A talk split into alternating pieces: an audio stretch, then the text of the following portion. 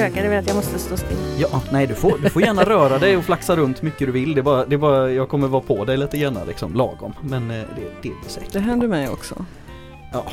Mindre, det min, fast det, det går lite i vågor. För ibland så Ja. blir det liksom så här superskärpt i flera Ja. avsnitt så jag liksom så här bara oh nu, nu, nu är vi klara med den här mikrofontekniken. Och sen kommer det tre avsnitt på raken när man bara men Vivian! Men, ja, jag ska förs- försöka hålla mig skärpt. Ja det, det går säkert bra. Så tänk på frågorna och den, den vanliga grejen istället så kan jag tänka på ljudet. Ja. Det brukar bli en bättre, en bättre grej. Men, men idag ska vi inte bara tänka på ljudet. Utan nu ska vi tänka Nej. på, på distriktet och, och framförallt ska vi ju tänka på vår, vår nya kära ordförande. Mm. Är rätt otippad ny ordförande. Kul. Verkligen! Men, men det är ju roligt när det händer grejer. Eller, vad- eller vad säger du Jessica? Ja absolut, det kan jag inte annat än hålla med. Eh, Det var ju lite otippat för mig också egentligen att ta över ordförandeskapet men jag tror att det kommer bli roligt och spännande. Jag ser fram emot att jobba med alla trevliga människor i distriktet. Jag tror det kommer bli kanonbra. Mm. Och det här är alltså Jessica Gustafsson. Ska, ska vi vara sådana ordentliga, duktiga människor och säga ja, ja det, det kan väl faktiskt finnas en poäng med nu när du är faktiskt ny. Och du är väl relativt ny i partiet också som sådant va? Jag har varit medlem i partiet sedan 2018 men jag har engagerade mig strax innan den senaste valrörelsen för jag tyckte att det behövdes lite mer action. Mm. och så känner jag väl också ett ansvar att liksom, man kan inte bara klaga på att politiken går åt fel håll eller att eh, folk engagerar sig för lite om man inte själv är engagerad. Så Mm. att, eh, det var väl min motivation för att eh, engagera mig mer. Det är väl en ganska trevlig motivation. Jag tror att Mycket. hade ungefär en tredjedel utav de som satt aktivt hemma och klagade och var sura gjort någonting åt saken istället så hade vi inte haft det här sammanlagt som vi har nu. Typ. Så det var kul. Mm. Och du är från eh, Stenungsund. Precis. Eller du kanske, du kanske bara bor där, du kanske inte är därifrån Eh, från början? nej då, eh, jag är född och uppvuxen i Stenungsund. Ehm, men när jag var 20 så började jag liksom flytta runt lite grann så jag har ju passat på att bo i Uppsala, Falun, eh, Kalmar, Hjällbo, Mm. Floda, Alingsås. Och sen för 15 år sedan så kom jag på att det kanske var onödigt att flytta runt så mycket så då flyttade jag tillbaka till Stenungsund och sen dess har jag och min fru bott där då. Mm. Det är ganska lätt ställe att trivas och fortsätta vilja bo på. Det är, är ju en väldigt trevlig Ja, del utav jo, Sverige säger men jag gillar det också. Det, ja, även om det är ett nytt centrum man kan tycka inte, inte har så himla mycket själ så är det ändå ganska trivsamt tycker jag med båtarna och restaurangerna nere vid vattnet och Mm. så. Nej, är. Sommargästerna. och- Mm. Jo, De, de är väl härligt vad de är va? Nästan hela rasket är ju stockholmare. Och, och resten är ju egentligen bara skräp det också. Och ganska nära Göteborg. Ja, det är bra pendlingsavstånd är det om man vill ta sig till Göteborg istället. Ja, för nu har ju jag blivit göteborgare. Ja. Mm. Mm. Ja det, det har hänt en hel del sen vi stod här och poddade senast. Du har ju blivit göteborgare. Och jag har väl också, nu, nu nu kan vi ju när vi ändå är igång och, och presenterar ordförande så kan jag ju presentera att jag också är ordförande numera. Men som tur var inte själv då utan vi delar ju ordförandeskapet i Mölndal här med, mellan mig och, och Emelie Vandell vilket känns otroligt trevligt och bra Mm. måste jag säga. Ja men det är kul att det händer någonting i Mölndal också. Jag är jätteglad för det. Det, det blir kul. Och soffan passar bra eller? Ja men soffan tycker jag passar bra. Vi- Vivian har alltså efterskänkt en soffa till Vänsterpartiet Mölndal och en fin matta ska jag säga också, den ska vi inte heller glömma av. Så den ska vi också få lite eh, applåder och cred för. Jag tänkte vi skulle lägga in lite applåder nämligen här sen för, för, för, för Jessica lite sådär i efterhand. absolut. Så då, då blir det väl tri- trippelapplåd vid det här Okej. laget nu då helt enkelt. Men du Jessica, jag tänkte varför blev du Vänsterpartiet? Eh, därför att Vänsterpartiet har ju för mig den enda rimliga politiken. Eh, det känns ju som att de flesta partierna, kanske till och med Vänsterpartiet, har rört sig lite högerut, även om vi givetvis ligger på den vänstra sidan. Eh, och eh, man ser ju hur samhället utvecklas mot det här marknadsliberala där allting ska privatiseras, där alla är individer, alla ska konsumera och det är ingen som tänker på dem som behöver stöd av samhället utan man ska liksom bara roffa åt sig. Mm. Och utifrån det så får jag säga att Vänsterpartiet har den politiken som jag vill representera, där man tar hand om alla, där man tar hänsyn till alla, där man kanske inte i första hand tänker på att jag ska sko mig själv mest. Mm. Var det någonting som liksom växte fram att du ville liksom ta upp det här engagemanget eller var det någon händelse som fick dig liksom bara nej nu räcker det? Nej, det var nog mest att jag och min fru satt hemma och klagade på så himla mycket som vi ville förändra. så att eh, det är nog på den vägen det. Men är inte hon också med? Du har väl jo, hon är med, ja. absolut. Eh, hon är också med. Men det räcker med en ordförande hemma? Ja, precis. Eh, hon, hon jobbar ju rätt mycket också så att hon har inte samma möjlighet. Jag studerar ju för tillfället på heltid så att jag har ju mer tid att engagera mig politiskt. Mm. Vad läser du? Nu läser jag något så tråkigt som statsvetenskap. Inte alls tråkigt, det har jag läst. Nej, jag det är inte tråkigt. Nej, det är jätteroligt. Det är faktiskt det roligaste ämnet jag har läst någon gång. Um, det är bara det att det känns som att allting jag håller på med just nu är politik. Då. Det blir ju, man går ju från att vara neutral när man studerar statsvetenskap till att vara precis raka motsatsen när man agerar Um, Men man, ser det, man kan se det i relief till uh, sina kunskaper som man får när man läser statsvetenskap. Jag tycker det, ja, men det är bra Men statsvetenskap är väl också en utav dem, nu, nu blir det lite akademiskt här så att lyssnare som inte tycker om akademier de får helt enkelt eh, leva med det här. Eh, inte statsvetenskap en utav de grejfacken som, som ofta just får en lite politisk stämpel och ofta då till vänster när man eh, pratar i samhällsdebatten. Historia har ju en sån klassisk liksom men eh, vad, har ni någon eh, för det, det, den är jag ganska säker på att det, det finns. Så var det inte på min tid, vilket ju är länge sedan, men då var det mest, alltså eh, alla föreläsare var ju antingen liberaler, ja mm. de var liberaler kan man mm. säga helt enkelt. Jag tror nog att attityden har förändrats lite på universiteten, för i och med att just som du säger att det har blivit som en vänsterstämpel så gör det nog att, jag skulle nog säga att lärarna döljer sin, sina politiska sina politiska ställningstaganden helt mm. enkelt för att det ska bli neutralt och det är väl egentligen bra att vi ska ju själva bilda oss en uppfattning och vi ska ju lära oss om alla de politiska områden i statsvetenskap. Det är inte ett område som ska vara överrepresenterat. Nej. Ja, men så ehm. tycker jag också att det var. Det var bara det att man visste att den där snubben var liberal och den var moderat. Eh, mm. Så då klassade man kanske mm. själv. Fast eh, nej, de gjorde sitt bästa tror jag för att vara neutrala, absolut. Mm. Sen kan jag känna att liksom så här, har man kan man upp, lägga fram den objektiva sanningen ändå och så kan man fortfarande liksom vara tydlig med att men jag tycker det här, men så här kan man också tycka. Det tycker jag nästan är ärligare än liksom när det kommer till att liksom man just ska stå och hymla, om man har en väldigt stark åsikt. Fast då kan man undra, finns det objektiva sanningar? Men kanske inte i den här podden vi ska fördjupa oss Nej. i det. Nej det, det, är absolut, det är väl en, det är väl en podd i sig va? och det, det finns nog en uppsjö av sådana för den, den intresserade. Men, men jag tror ändå att det, det, det kan finnas ett värde för annars hamnar man lätt i de här diskussionerna som vi har mycket runt media med, med våra, våra kära ovänner på den andra sidan den politiska kompassen kanske framförallt där det liksom blir fake news och Och, och vad gäller liksom. universiteten och vad också, gäller absolut. Mm. Mm. Så att det, det är nog, det kan finnas ett värde utav att faktiskt kanske eh, ta debatt, inte bara debatten om objektivitet men också faktiskt att visa på sin subjektivitet för att sen kunna liksom vara objektiv på riktigt. Mm. Men som sagt. Ja men sen är jag sugen på att höra, vad har du tänkt dig med, uh, med att läsa en statsvetenskap? Eh, alltså jag har ju läst, eh, när jag var yngre så läste jag ju humanistiska ämnen eh, som filmvetenskap och sånt här som, som de, de vuxna säger att man blir inget på det. Men det är kul och lärorikt. Precis. Eh, och sen så började det så att jag startade ett företag tillsammans med min fru och då behövde vi, jag behövde lära mig bokföring så då började jag läsa ekonomi. Mm. Eh, och nu har jag nått en punkt där jag blir mest frustrerad av att läsa ekonomi för att allting är så inriktat på eh, vinst och tjäna pengar och inga andra hänsyn den tas. Mm. Så att då hoppade jag helt enkelt över till statsvetenskap istället. Mm. Um, ja, på den vägen är det. Mm, vad spännande, du har ett företag. Vad gör företaget? Uh, min fru är ju då psykolog så att vi erbjuder um, terapi till privatbetalande då, inte via någon slags uh, Inte som Kry och dem utan eh, man får betala ur egen ficka helt enkelt. Mm. Vad gör du? Är du i, i företaget? Sköter du ekonomin ja. och hon eh, välmående, det psykiska välmåendet? Vad bra! Eh, ekonomin och marknadsföringen och sådana saker. Det kan väl komma väl till pass att uh, kunna sådana saker när du ska rodda ett helt distrikt som ju är ganska nybildat dessutom. Det var väl, hur blir det nu, var det 2018 var det som den här, det här valdistriktet ändrades med en, en grundlagsförändring. Så alla kanske inte känner varandra riktigt mm. uh, i nya distriktet. Eh, vad har du för tankar? Det är det vi ska förändra nu. Vi ska ju lära känna varandra och vi ska ju nå ut till partiföreningarna som finns inom distriktet.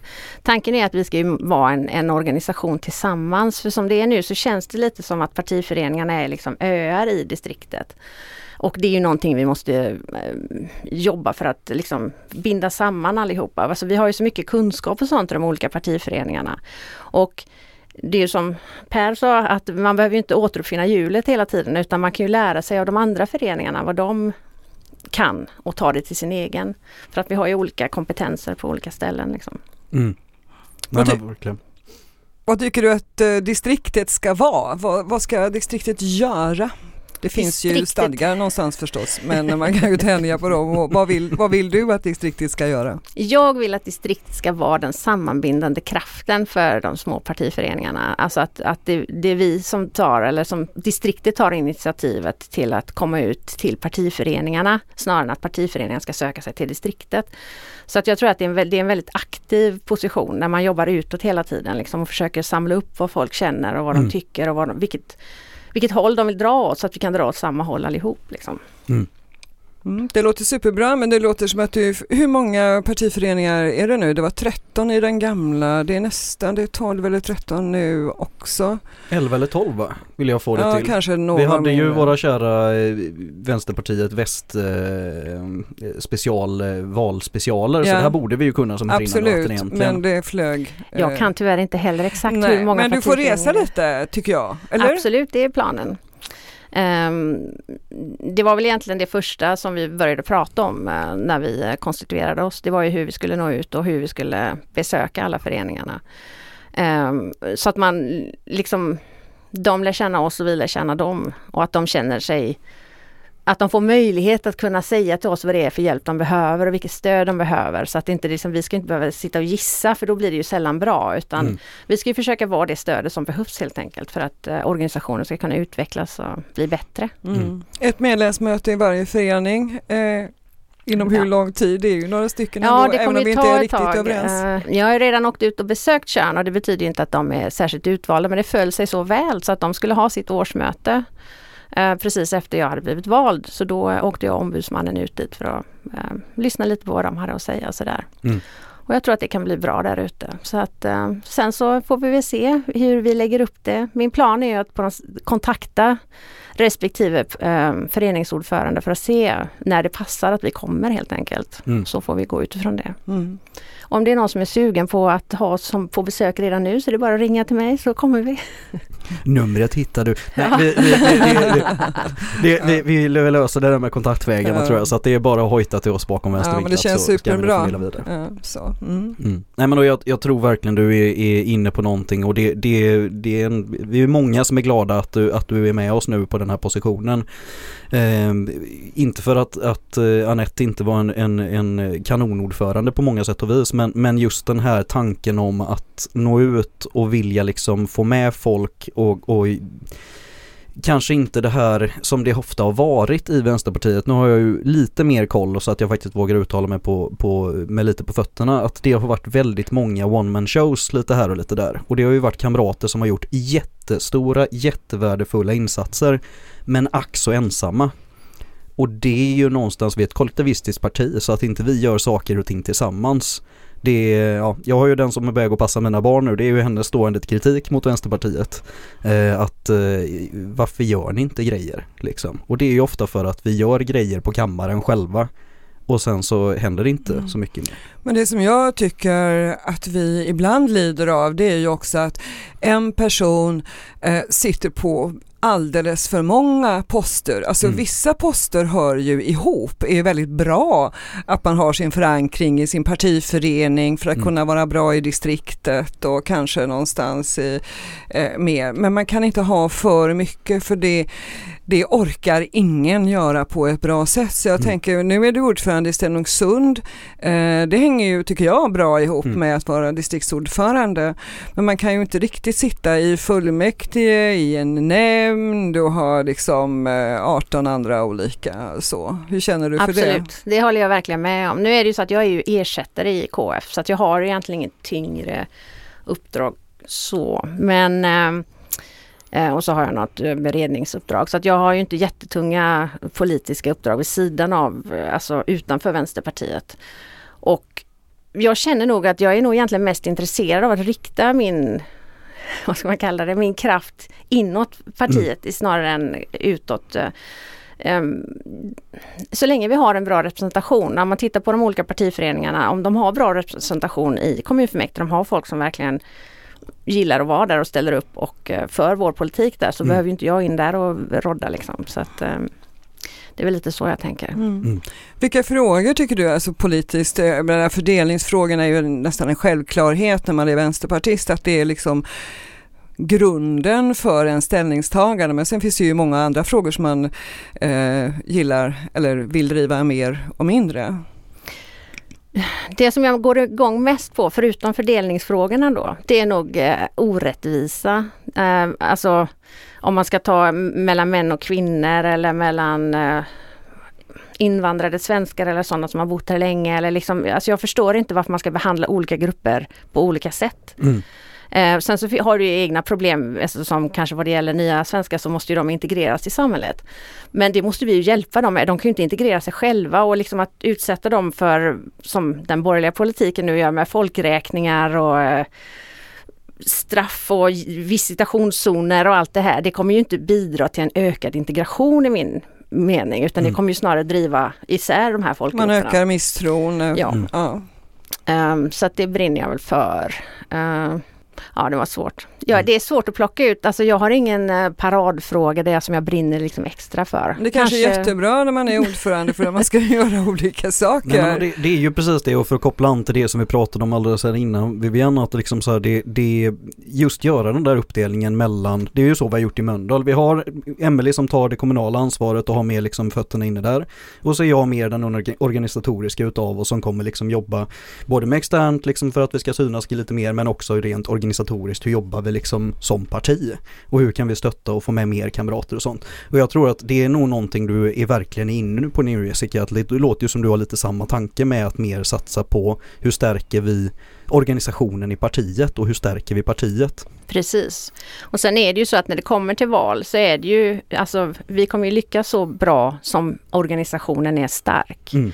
Eh, och jag ser ju också nu att det finns initiativ från centralt håll eh, inom Vänsterpartiet att utöka kommunikationen med eh, distrikten och med partiföreningarna och jag välkomnar verkligen det för jag tycker vi saknade lite det i förra valrörelsen. Att det kändes som Stockholm körde lite mm. sitt eget race och att vi var lite utanför. Och jag tror att vi måste komma tillsammans allihop. Vi kan inte bara tänka på storstadsregionerna, att det ska gå bra där för Vänsterpartiet, utan mm. vi måste också tänka på mindre städer. Mm. Och risken är ju att eh, vårt parti, precis som andra partier, blir eh, alltså högre upp i hierarkin, att man blir en kampanjorganisation som mm. eh, man tar in de bästa experterna som man kan hitta på olika frågeställningar och hur man ska driva det och så försöker man trycka ner det och det blir ju sällan bra. Det är ju ett, och det tycker jag att jag ser. Jag har ju varit med i partiet i, vad blir det, 22 år.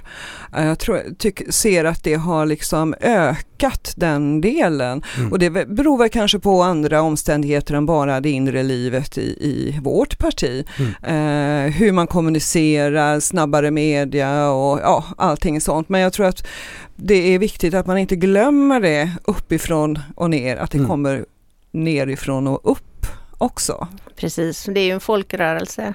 Mm. Nej men det, det, det ligger jättemycket i det här och det är liksom, vi får ju ofta, eller ofta, men vi har ju en del intern debatt om vi liksom försöker plagiera Socialdemokraterna. Och det här är väl just en sån grej där vi verkligen inte får plagiera Socialdemokraterna, det toppstyrda skitpartiet. Ursäkta. Lite grann, ursäkta, inte, det, men ursäkta till gräsrötterna som faktiskt Men det finns många bra sossar också. Ja absolut, Jag men de sitter inte i partiledningen. Många... Nej. Om vi ska vara sådana.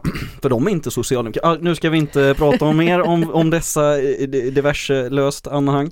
Men jag tänkte, nu är också någonting som är kopplat till just att vi kan ha ett läge där vi faktiskt har möjlighet att göra de organisatoriska rötterna. Det är ju att det har gått ganska bra för oss lokalt på många ställen. Och där vi liksom sitter i en position där politiken egentligen kan knalla på och vi redan får ganska mycket inflytande. Och då kanske det är ett, ett, eh, ett ganska bra läge att göra där. Delar du den analysen till att börja med?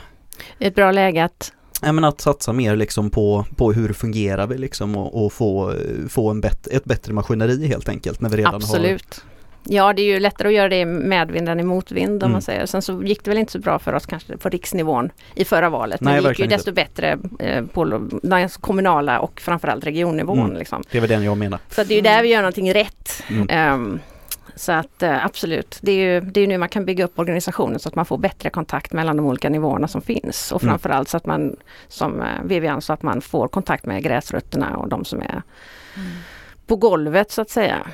Jag var ju själv inte med, även om jag hade kunnat det, på typ 70-talet och sådär, men jag vet ju många som var det. Och jag tycker att det de berättar, även om det kanske är i nostalgins eh, ljus, men de verkar känna varandra väldigt väl, de gjorde mycket Mm. tillsammans, deras barn eh, som känner varandra. Det kan ju låta lite kletigt att man bara umgås med andra vänsterpartister och det är inte riktigt så jag har uppfattat men att man någon gång ibland gör lite kul saker och att det ska vara roligt att Mm. komma, att man gör mötena lite, även om det är beslutsmöten, att man gör dem lite trevligare och inte slår klubbor i huvudet på folk billigt talat. Absolut. Och där får jag säga att där har vi jobbat väldigt hårt i partiföreningen i Stenungsund. Att vi har ju medlemsträffar där vi har, som 8 mars gick vi och tittade på den här filmen Women Talking som jag kan rekommendera till alla. Jättebra, Den har jag jättestark sett, film. det rekommenderar jag också. Tar jag med mig den rekommendationen helt enkelt. Och vi har också eh, brädspelskväll, det kan jag rekommendera till alla. Det, det är ju bra sätt för alla åldrar att delta också och, och hamna runt ett bord. Och, Fia och, med knuff. Nej, det är ju lite de här mer moderna. Det, kan man ju bli ovän menar jag. Men vi ska inte vara taskiga mot Fia med knuff. Det är en gammal eh, klassiker. Men det Absolut. finns, eh, det finns ju spel nu för tiden där man samarbetar istället om man nu föredrar det istället för att försöka vinna. Men eh, ja, det beror ju på vilken personlighet man har, vad man tycker är roligt. Så att, men vi hade ju flera olika spel igång samtidigt då. Vi hade en träff nu i januari där vi gjorde det. Vi har också planerat en utflykt till Brewhusland. Det kanske blir reklam när jag säger så. Det går så fint så här, är, här är ingen Sveriges Radio Till, till Bohuslän, vad sa du? Brewhusland, det är ett så här litet mikrobryggeri som ligger i Görlanda. Alltså vi tänker så här att vi måste ju försöka komma ut till de Mm. olika kommundelarna. Vi ska ju inte bara liksom vara på fregatten i centrala Stenungsund utan Nej. vi måste ju ut till, Mm. så vi, vi ska även åka ut till Svenshögen och ha, där ska vi faktiskt ha då lite tyngre än eh, debattövning, alltså där vi ska prata politik med varandra. Där som hela syftet med, med den träffen är först ska vi prata politik med varandra och sen så ska vi grilla korv. Framtiden verkar dyster när man grubblar över ett glas öl Men man hoppas att barna ändå får ett glas öl Nej, men det, där, där har du ju verkligen någonting på spåren. Va? Just minska den här tröskeln och inte bara, för det, det är ju någonting som vi har pratat med, jag har ju pratat med mycket mer nya medlemmar i Mölndal och den har jag ju fått från fler än mig själv att liksom det här när man kommer till ett konstituerande möte och som ska ta en massa beslut, har en formalia och en dagordning och så sitter man och känner att oj då, det var ganska tungt. Nu måste jag ta ett uppdrag och förstå allt detta på fem minuter annars så är inte jag någonting värd. Och det är precis att istället liksom komma till, ja men vad tycker du? Ska du ha en korv? Precis. Det är liksom, det är ju någonting annat va? Mm. Ja, jag tror att det är jätteviktigt för att ha, få det här kittet och för att få oss alla tillsammans känna oss eh, eh, att man vågar säga saker som kanske inte är så himla genomtänkta Mm. utan att bli klassad som oj, där var hon fel ute i Mm. politiken och så här, utan man ska våga liksom ta upp sina Alltså inte så helt genomtänkta tankar. Mm. Precis, och det måste man ju känna varandra för att våga göra och det är ju väldigt viktigt att man kan testa sina åsikter. Jag tror först då på folk som förhoppningsvis tycker liknande som en själv. Men för att man sen ska våga ta de åsikterna till liksom lunchrummet på jobbet så måste man ju känna sig säker i liksom det man själv tycker och tänker. Mm. Och det, det är ju någonting man kan öva på i en grupp av li- likatänkande. Då. Ja, absolut. Och man känner att grunden är ju ändå densamma, så Precis. vi har ju samma utgångsläge. Mm. Nej, någonting som, som eh, också är väldigt, väldigt viktigt att vi, jag tror att vi jobbar ännu mer med, det är ju liksom vårt internfeministiska arbete och liksom den, hela den grejen egentligen just med öppenhet. Att, för det, vi hade ju inför distriktsårskonferensen nu som gick av stapeln för inte så länge sedan, när du blev vald Jessica, eh, så har vi ju som, som vi brukar våra träffar inför och sitter och pratar igenom och sånt och liksom då, då kom frågan upp på, på, på den, ja vi delar ju upp oss då i könsvis helt enkelt eh, eller den identitetsvis. Ehm, och då kom ju frågan upp när, när eh, den här klassiska som borgerligheten gärna kör med, har feminismen gått för långt? Och då, är ju fråga, då kom ju frågan, frågan upp då, vad är målet med feminismen? Och någonstans målet med feminismen, i alla fall i min bok, handlar ju om att när vi inte längre har ett samhälle som baserar sig på härskartekniker och där man inte har människor som sätter sig över andra människor, det är för mig målet med, med feminismen liksom. Och det tror jag är någonting som är jätteviktigt att vi jobbar mer med. För det första, delar, delar ni min definition eller har ni några bättre och egna och sånt? Och är det det vi behöver pyssla mer med? Om jag förstod det rätt nu så, så menar du att men, alltså, själva poängen med feminismen det är att feminismen inte ska behövas. Exakt. För det är ju min ståndpunkt Mm. också. Och det är ju någonting som jag har sagt många gånger och ibland fått väldigt negativa reaktioner på. För att jag tror att för vissa är det som en rörelse som hela tiden är på väg framåt. Men det är ju egentligen inte det som är målet i mina ögon med den rörelsen. Utan när vi är jämlika, när det inte spelar någon roll om man föds som man eller kvinna så spelar det ju ingen, då har ju inte feminismen någon, någonting att komma med. Liksom. Nej. Så att That den har will absolut- be the day säger jag bara. Men jag delar din, din analys och din eh, åsikt. Mm. Eh, verkligen. Eh, men ja, absolut. Frågan blir väl då, kommer det verkligen hända? Nej, det, men jag tror att alla kamper måste föras hela tiden. Mm. Mm. Det handlar ju om hbtqi-rörelsen, det handlar om eh, klass, Mm. det handlar, alltså inga segrar är vunna för evigt. Och det ser man ju tycker jag på alltså, eh, olika yngre åldersgrupper tar ju saker och ting för självklara som så här, de som jobbade för eh, dagis åt alla och gick och så, här. så nu är det en självklarhet, men det är inte riktigt självklart, alltså det är självklart på ett sätt, men att det ska vara bra också, Mm. det är inte en självklarhet utan man måste ändå, ja man måste vara en aktiv samhällsmedborgare helst. Men där är det ju någonting väldigt viktigt på spåren tycker jag. För att det är ju som det här med eh, hur mycket semester vi har, att vi jobbar åtta timmar per dag. Att folk ser ju det här som en naturlig självklarhet. Mm. Men det är ju folk som har liksom dött för de här rättigheterna. Och det glömmer man så lätt. Och en Mm. rättighet som har givits kan ju också tas tillbaka. Liksom. Mm. Så att det är ju det, det är så sant det du säger att man måste hela tiden tänka på var kommer vi ifrån. Det är som kvinnlig rösträtt. Det måste ha känts omöjligt de kvinnorna i slutet av 1800-talet som kämpade för det här. Mm. Men det tog inte så lång tid, sen gick det att få igenom. Liksom. Mm. Och jag vet till exempel det var i USA så var det ju, de skulle nominera en kvinna på skoj som borgmästare.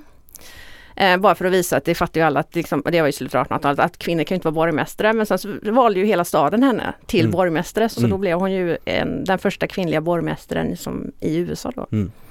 Men jag tycker att det som jag eh, vill att vi tänker på det är ju att vi tänker på våra rötter, var saker och ting kommer ifrån, Det som, som jag sa förut och då tänker jag också på fackföreningsrörelsen. Mm. För hur många är det inte som frågar, men varför ska jag gå med i facket? Det kostar ju så mycket och det är sådär. Alltså då får man ju dra in en fackföreningsrörelse. Nej men på något sätt att Mm. man förstår att det är inte så att det är någon som håller dig just i handen när du inte behöver det. Mm. Men när du behöver det så ska det finnas någon där och några har slagits för våra rättigheter på arbetsmarknaden också. Mm. Vilket ju fortfarande är precis lika viktigt. Alla i hela gigekonomin och så. Att man, eh, ja som sagt, inga segrar är vunna för evigt. Och vad det gäller fackföreningsrörelsen så var det väl egentligen, får man ju säga att det började med Reinfeldt när de höjde avgifterna så kraftigt så att det blev svårt för folk att vara med. Mm. Och det finns ju givetvis en tanke bakom det från högern skulle jag vilja påstå. För att organiserade arbetare är ju långt farligare än en arbetare Mm. själv på en arbetsplats. Så Mm. att eh, det fanns ju en tanke bakom det där. Nej men så är det ju verkligen och det, det, vi har ju en arbetsmarknad idag som, som går mot att bli allt mer marknadsliberal och där man liksom hela tiden slår mot att det måste vara, det måste finnas en ökad rörlighet och det måste finnas, man måste värna om detta, det ditten och dutten och datten vilket har lett fram till att nu är det mer eller mindre praktiskt, eller praxis på att ha ganska långa provanställningar och det fick ju jag bli varse här nu bara för någon vecka sedan liksom med, med vad som kan hända för någonting trevligt då. För då blir det det där att du kan få gå för att du har fel slips liksom. Och det, det är ju, hela arbetsrätten blir ju omkullsatt om vi inte försvarar den och, och dör vid den kullen liksom. För det är det vi måste göra. För att det är liksom, Annie Lööf kommer ju ha julafton även om inte hon är aktuell längre.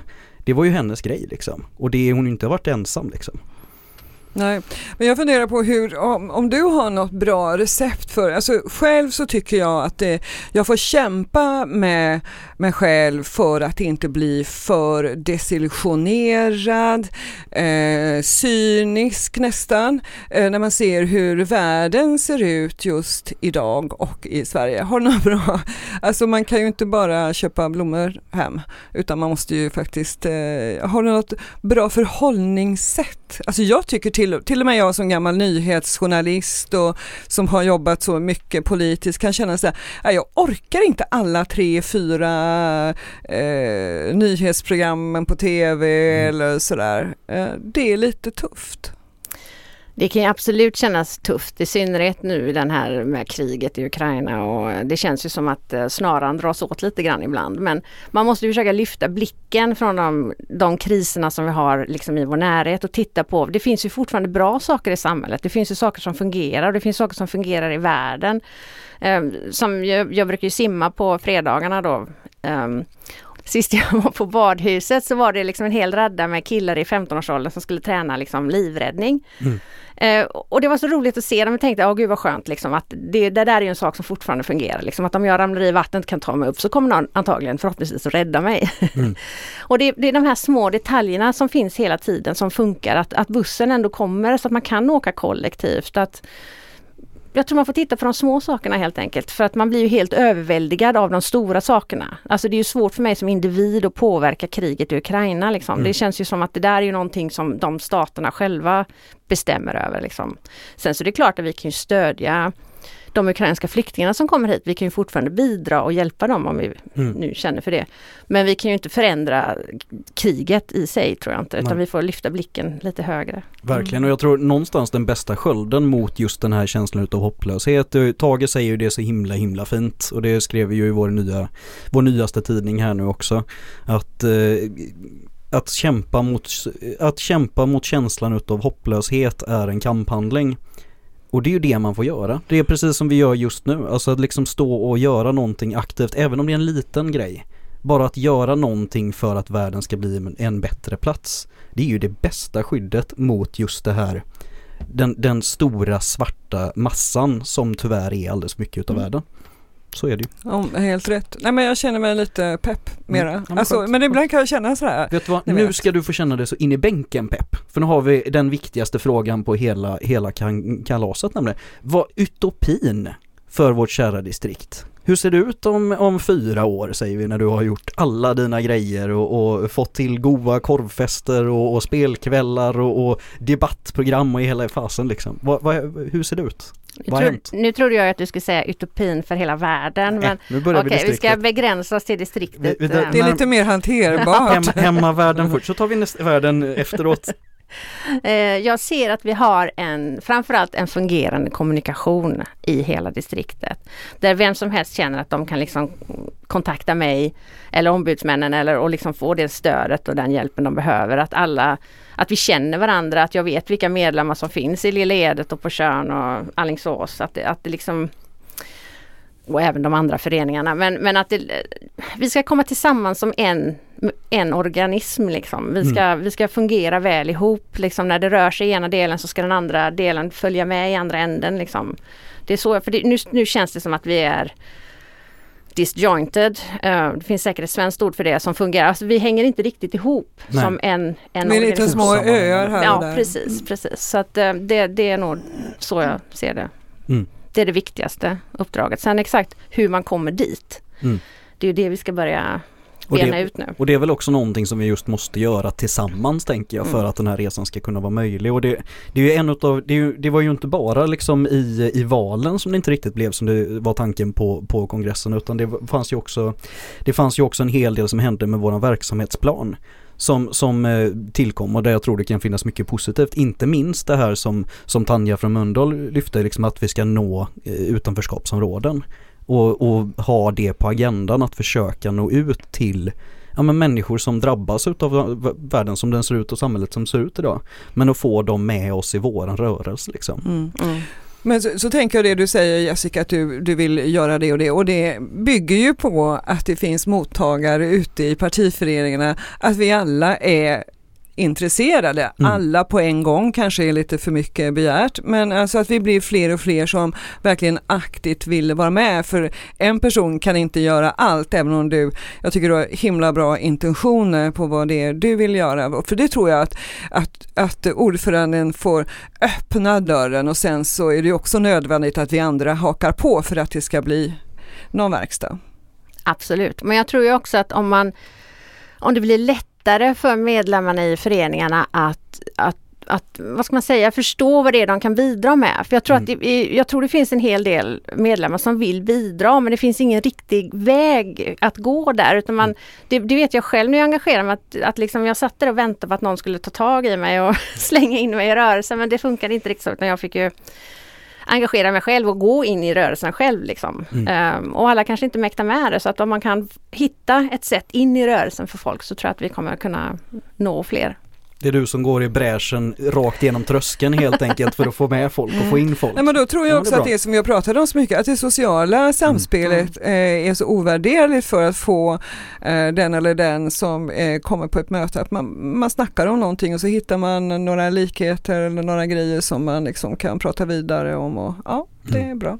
Ja verkligen. Och jag tror att en, en enkel sak idag när det liksom är allt mindre och mindre tid, för det är klart att alla har ju inte den möjligheten att kunna vara med på varje träff, varje socialt tillfälle eller ens kanske på något, men, men att också ha ett, ett rikare liv på, på digital, den digitala världen liksom. Där många människor idag faktiskt lever sina liv helt och hållet mer eller mindre. Det är också en väg in och det är också, kan ju också vara en jättelåg tröskel för att sen kunna utvidga, alltså det kan ju bli ett jättestort engagemang eh, även utifrån liksom ingenting. Och här tänkte jag kidnappa avsnittet och berätta en liten, en liten underbar historia. Nu kommer jag börja gråta för den är så himla fin. Men det skiter jag i och kör ändå. Eh, det fanns nämligen en, en eh, norsk kille, det här är googlingsbart för den som inte tror mig, eh, som eh, ett barn, han blev, eh, han fick en dödsförklaring helt enkelt, en, en obotlig sjukdom som, som de visste att han skulle dö utav och han hade hela, tid, hela sitt liv egentligen varit lite utanför och, och levt väldigt mycket liksom hemma och i spelvärlden. Och då kände väl föräldrarna lite grann, okej hur ska vi göra nu med hans sista tid? Nej men han vill inte ut och, och göra massa saker och liksom träffa Zlatan och sånt där för att man är norsk. Det är väl något motsvarande, jag vet inte vem det är, men någon längdåkare eller någonting, skitsamma. Eh, utan de lät han vara, så att han fick liksom sitta i sin bubbla och han blev ju mindre och mindre att han lämnade rummet och liksom mer och mer slutade tvätta sig, liksom lämnade gärna inte för måltider utan fick käka framför datorn. Och så en dag dog han. Och då gick ju föräldrarna där liksom och funderade på, men vad gör vi nu då? För det var ingen stor släkt. Och han hade liksom inte haft något socialt rikt liv, tänkte de. Ehm, utan de tänkte liksom, ja men vi, vi gör något litet, vi gör en minneshögtid och sen så får det liksom vara. Och det, Och då började det komma. Det är inte ett mejl, utan det är många. För den här killen har ju spelat spel. Så att det är ju folk som vallfärdar från hela världen in. De får byta lokal tre, fyra gånger för att få plats med alla människor som liksom vill komma och visa hur mycket han betydde. Och det är någonting som är på riktigt. Och tror man inte mig, då kan man ju kolla på våra kära men jag har läst också Per. Jag menar det. Nej, men jag- ja, absolut. Alltså det, koll, tror man inte på den kraften, kolla på Sverigedemokraterna eller kolla på Donald Trump. Alltså den idioti som kan komma fram tack vare den här kraften. Och trots alla motsättningar så klarar de att ta sig fram. Tack vare kraften i nätet. Det måste vi kunna tappa in. ja, för allt på nätet är med. inte ont. Nej. Det går att göra väldigt, väldigt bra grej med nätet. Som en gammal gamer så kan jag ju eh, understryka att det du säger verkligen är sant och det har ju också funnits, som under covid så fanns det ju till exempel Pride-tåg Mm. i World of Warcraft Mm. eh, som jag tror faktiskt var arrangerat av Vänsterpartiet om jag inte... Jo men det, det Mm, ringer jo, en klocka. fel det Mm. Så att alltså, det finns ju massa, det finns ju, det finns ju en rörelse på nätet också. Alltså, det handlar Mm. inte bara om att man sitter där och spelar utan det handlar om de relationerna du skapar med andra människor eller till andra människor. Som då dessutom kan gå över gränser Mm. eh, till andra länder och sånt. Så att, eh, ja, I hear you. Mm. Nej men och det är någonstans, alltså det, det är en av våra största samhällsproblem idag, det är ju ensamheten. Jag jobbade ju ett tag med att sälja fisk på dörr, speciellt jobb. Men en av de absolut bästa grejerna med det var ju när man träffade de här människorna som aldrig träffade någon annan. Och så, fan, då fick jag lägga fem minuter på att bara vara lite människa en stund liksom. Och det gav ju mig otrolig energi för resten av kvällen bara för att jag visste att när jag hade stått där och snackat med Agda en stund, hon var ju glad flera jag sa ju till att vara där tre månader senare och säga hej till henne också. Och då fick man ju liksom bullar och kakor och, och hela eh, livshistorien om man, om man inte stoppar henne liksom. Ja, man, halvvägs. man får passa sig för att det ska bli någon motsatsförhållande mellan att vara på nätet Mm. eller att träffas i Ja. riktiga livet så att säga. Nej, båda Nej men det är ju. den sociala kontakten, Mm. den är ju, det är ju någonstans det som Brunder bygger en social rörelse. Någonstans. Nu har vi hamnat i någon helt annanstans än vad som var planen. Nu var jag som för en gång Ja. skulle eh, bröt dagordningen och agendan och sånt. Det brukar, jag brukar hålla mig bättre, jag får ursäkta. Men jag tänkte om vi ska, om vi ska kolla lite grann på, på det större perspektivet, om vi tittar utanför, kanske för, börjar genom att titta faktiskt från hur kan väst påverka resten s- världen så att säga, och, eller samhället liksom och så. Vad kan vi börja bygga? Det var ingen liten fråga. Nu, nu ser du! 40 minuter innan ni är pigga och fräscha så, så kommer den. Ja, det var en väldigt svår fråga. Jag är inte riktigt säker på hur distriktet kan påverka längre ut. Man får väl börja där och så får man se liksom vad som händer. Eh, och sen så är det väl så att eh, det finns ju distrikt som är mer välfungerande än väst och då kanske vi ska titta på de distrikten och se vad de gör rätt eller vad de gör fel. Så att förhoppningsvis kan vi bli en av de distrikten man vänder sig till för att fråga om råd eller be om hjälp. Eller hur gjorde ni? Ni fungerar ju så himla bra. Nej och det är väl lite det här jag är ute och far efter precis att man slipper det där som vi pratade om innan med uppfinna hjulet igen eller någonting som Men fungerar det väl så, så sker ju utvecklingen organiskt på något sätt utan att man måste ha en massa stolpar för hur egentligen det ska ske. Ja det har man i grunden, alltså en inställning så tror jag nog att det och då påverkar man ju att om fler vill eh, vara med och påverka så gör det, man ju det i alla möjliga olika led. Mm. Nej, och det var ju som när vi hade med Melinda från programkommissionen och hon kommer ju komma ut till, till väl alla våra distrikt i väst va? Gustav Landström var hos oss. Gustav Landström kommer till oss ja istället. Det finns fler kamrater i kommissionen väl tur det. Men, men vi hade ju med oss Melinda som sagt och det, det är väl också en sån tanke som vi just för att koppla an till det vi pratade om innan, hur viktigt det är att, att inte bli Socialdemokraterna utan att faktiskt lyssna på, på sina rötter liksom. Och få med just hela partiet på, på partiet. Typ. Men vad är du för typ och vad är du för människa? Är du kul att vara med eller? Jag? Ja. Vi har pratat jättemycket om Jessica, vi kan inte, nu, nu får det, nu får det bara nu räcka med Jessica här alltså, vi kan inte prata Ja, men det är det. ju viktigt om hon har, har en social begåvning, det verkar ju så. Eh, vill man ju Har veta du inte märkt det på en timme här nu? Jo. Nej men jag menar det, tack. Eh, I så fall kan jag säga att jag varierar introvert med, med extrovert så att eh, det beror på vilken dag det är i veckan. ja. Hur tidigt på morgonen kanske? Eller det kanske jag är inte- väldigt morgonpigg och Okej. eh, kvällsmänniska samtidigt så att jag sover inte så mycket. Det kan du inte hinna då. Det låter som att det bor mer än en personlighet i den där kroppen helt enkelt. Ja Ja, det, det är inte helt omöjligt att det är så. Ja men det är väl lite så det kanske blir framöver också, att det kan bo flera samhällen i samhället helt enkelt. Nej, men det har varit kul tycker jag att få vara med och prata med dig och höra hur du tänker på distriktet och jag tycker faktiskt att det är eh, tankar som jag inte riktigt har hört förut på vilket, hur man vill använda sin, eh, sitt ordförandeskap. Så att det bådar gott tycker jag Mm. eh, framåt. Nej och det tror jag verkligen också. Tack så mycket för att jag fick vara med. Tack för att du var med. Dröja lite lyssnande till vattnets klunk Glida under pilarna vid bilen produceras av Hakuna Matata Produktion.